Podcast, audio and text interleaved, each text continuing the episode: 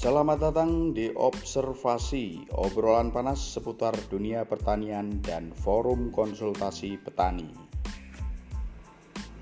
Bersama dengan saya, Hukuh Eko Santoso, selamat menyaksikan.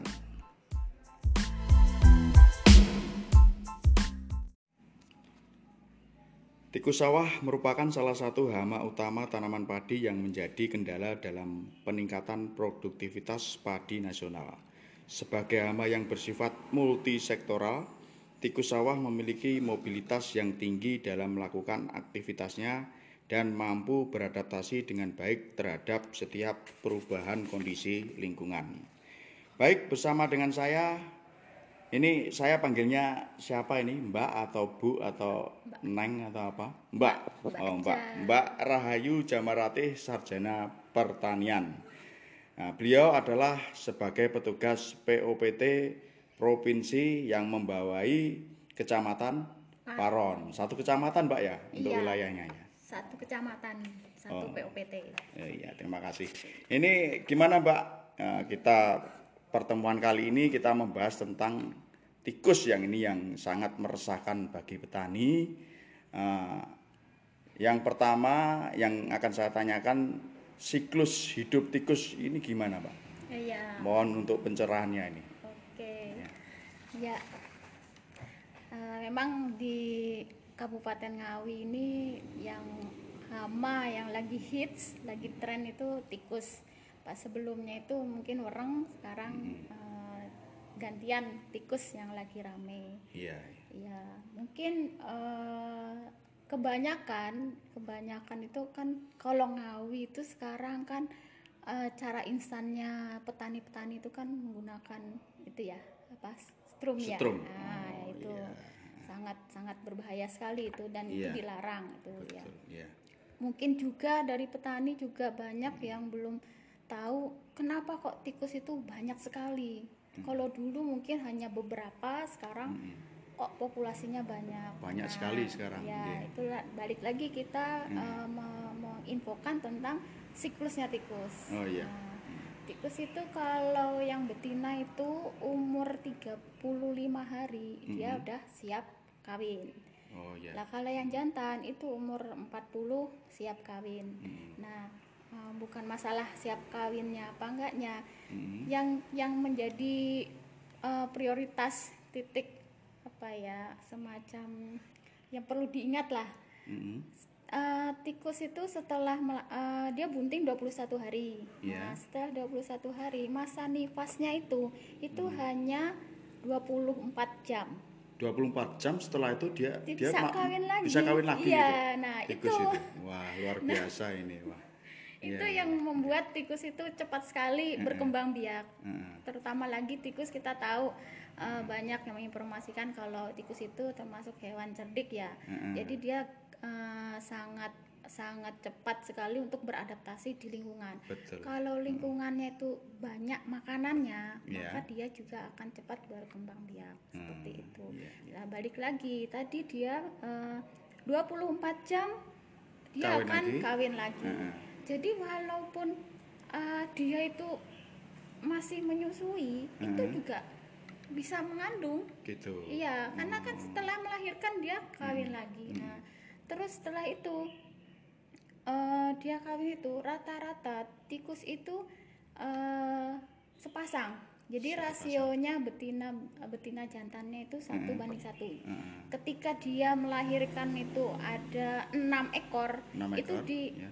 di rasio jadi tiga pasang wow. tiga lah betina tiga jantan seperti hmm. itu rasio berarti itu kalau kemungkinan besar hmm. kalau kita kalkulasi selama satu tahun itu hmm. satu pasang tikus itu bisa berapa itu mbak? Oh ya paling enggak ada seribuan seribu lebih seribu gitu? sampai uh, seribu delapan ratusan luar biasa satu pasang itu iya. jadi beranak, beranak. berarti gini iya. mbak itu kalau uh, keseimbangan alam tidak kita jaga iya. kemungkinan ledakan populasi tikus ini kan semakin meningkat ini iya, nah iya. itu di situ itu hmm Nah, untuk tanggapan jenengan itu gimana ini untuk me menanggulangi agar supaya ledakannya ini tidak tidak terjadi gitu, Pak? Iya.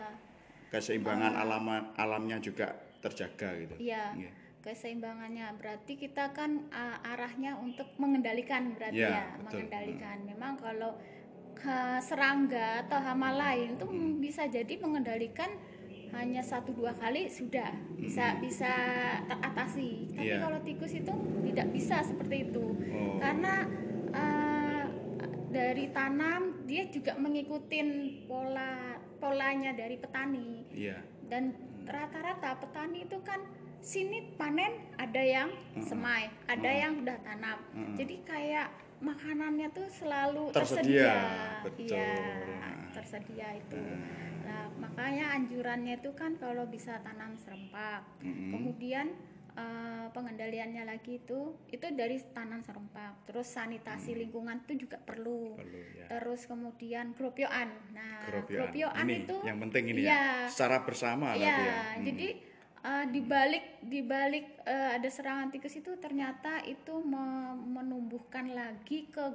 kekompakan kerjasama gotong royongnya uh, Iya. Petani, potong. kelom- uh, petani-petani Hmm. atau kelompok tani Hmm. untuk bersama-sama mengendalikan hama tikus seperti Iya. itu. Berarti kalau eh, kita gropioan secara sendiri-sendiri atau Iya. cuman satu orang dua orang itu efektivitasnya kurang, berarti ya, kurang ya? kurang Oh, ya iya. jadi harus bersama-sama. Dan kropioan tuh nggak cuma satu kali. Mm-mm. bisa jadi uh, gropioan itu uh, waktunya bisa tiga hari sampai seminggu. Sampai benar-benar di lokasi itu uh, populasi tikus itu sangat rendah. nah nanti setelah itu mungkin dia akan muncul lagi uh, satu bulan atau dua bulan lagi dia muncul. Iya. Kita melaksanakan seperti itu lagi Oh. bersama-sama. Karena apa? Kalau nggak seperti itu ya ya itu tadi balik lagi Ter- dengan tergantung itu tadi kompak mana Iya, kompak manusianya mana. apa tikusnya Iya, gitu kan betul, betul. Oh, iya iya iya iya.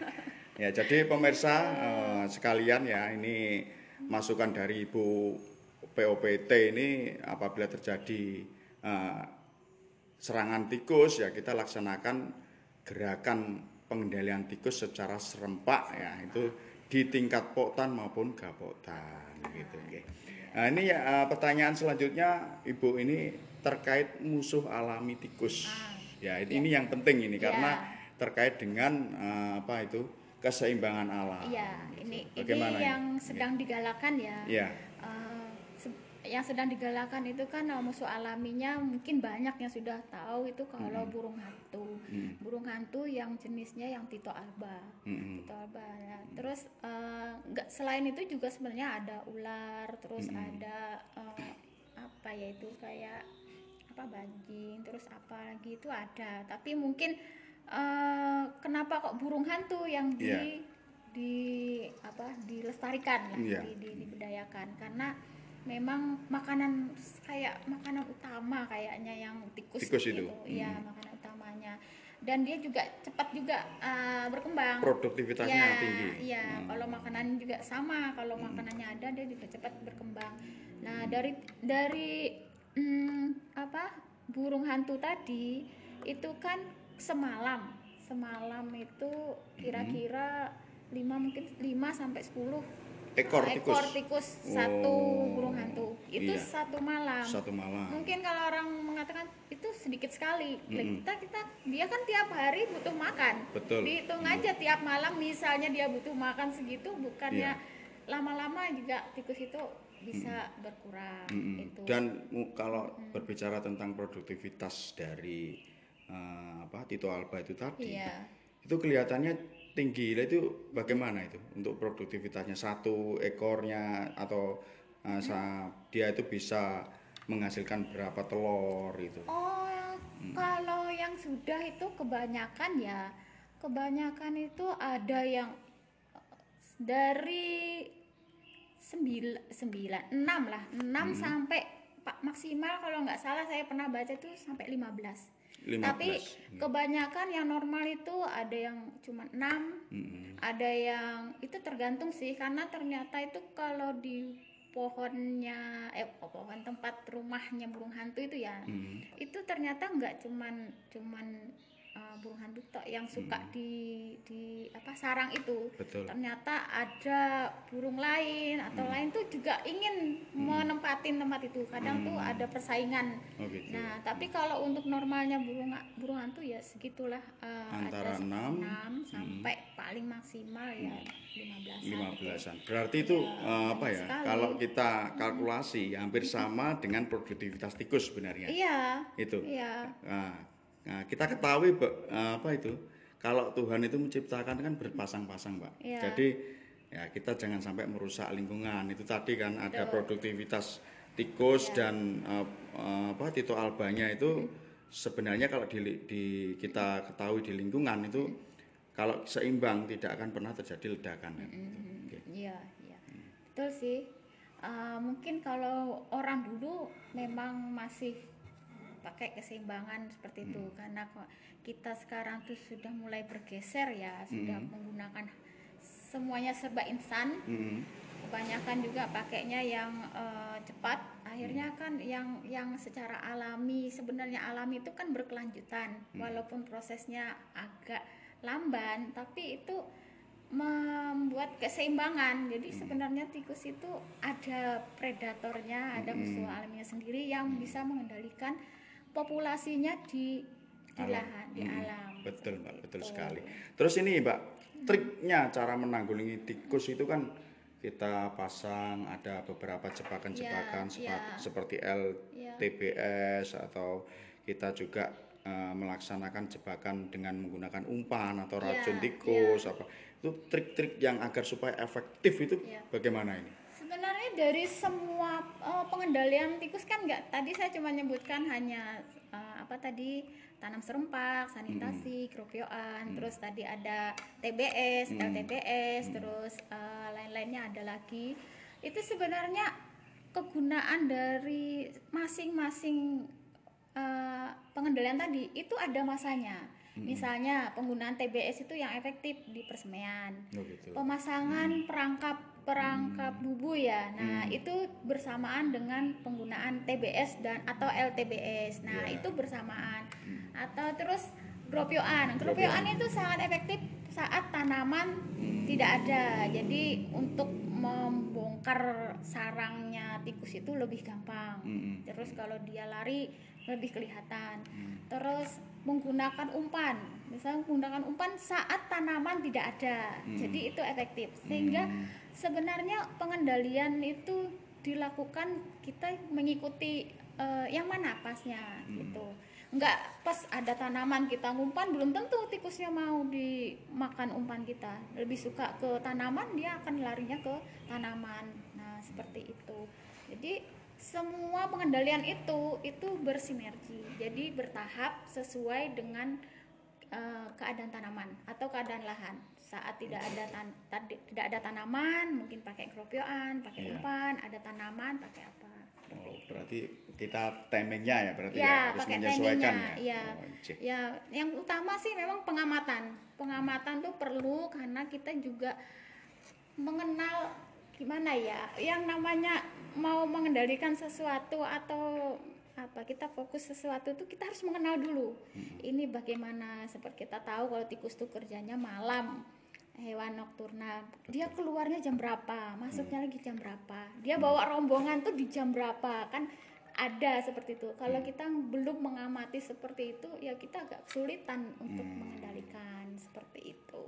Terus kalau tikus itu kan apa ya mbak ya? Itu kalau kita baca di literasi itu Hmm. tikus itu selain binatang malam nokturnal tadi Iya.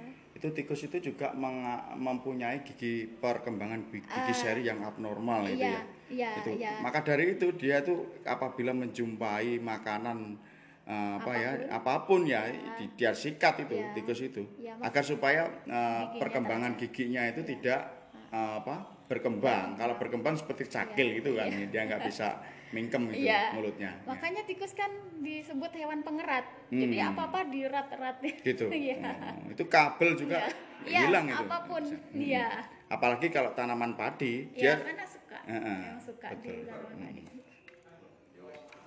itu Oke oke pak.